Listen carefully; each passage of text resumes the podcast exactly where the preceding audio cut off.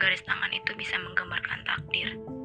Namun, bagiku takdir tak bisa digambarkan melalui garis tangan.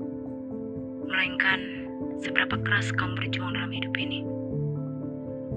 Kerasnya kehidupan ibu kota membuatku terkadang merasa putus asa.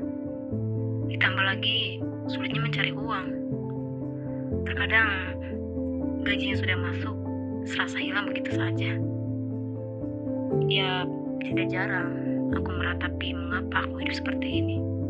Namun, lambat laun aku mulai mencoba mencari pekerjaan sambilan. Tetapi, yang aku sadari, sepertinya gaya hidupku yang salah. Karena selama ini aku merasa, ya aku selalu hidup di dalam kata gengsi. Sejak maraknya sosial media, seperti Instagram, aku merasa aku harus hidup, bisa hidup seperti orang-orang yang di Instagram, seperti hidup mewah, memiliki popularitas seperti mereka, bisa traveling keliling dunia. Namun, akhirnya aku menyadari bahwa akulah yang harusnya sabar dalam merintis kehidupan, dan aku harus keluar dari kata gengsi ini. Semenjak hari itu, aku pun bertekad bahwa aku harus bisa menggapai cita-citaku menjadi orang sukses dan dapat membanggakan orang tuaku. Langkah demi langkah aku lakukan, menambah keterampilan, dosa sederhana mungkin, dan tetap bersyukur kepada Sang Maha Pencipta.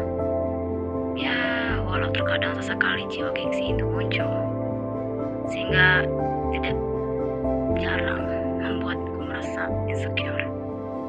Tapi aku harus ingat, inilah jalan yang harus aku bisa tempuh. Dan aku percaya, nanti aku menciptakan lapangan kerja bagi banyak orang. Ingat, untuk diriku, untuk siapa pun yang mendengar ini, sosial media bisa menjadi hal yang baik ketika kamu memang membutuhkan hal tersebut untuk hal yang baik juga.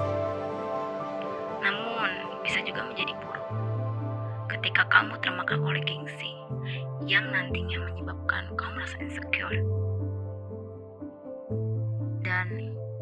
akhir cerita ini untuk siapa pun yang mendengar, tetaplah berjuang sampai kamu bisa berdiri dengan kakimu sendiri.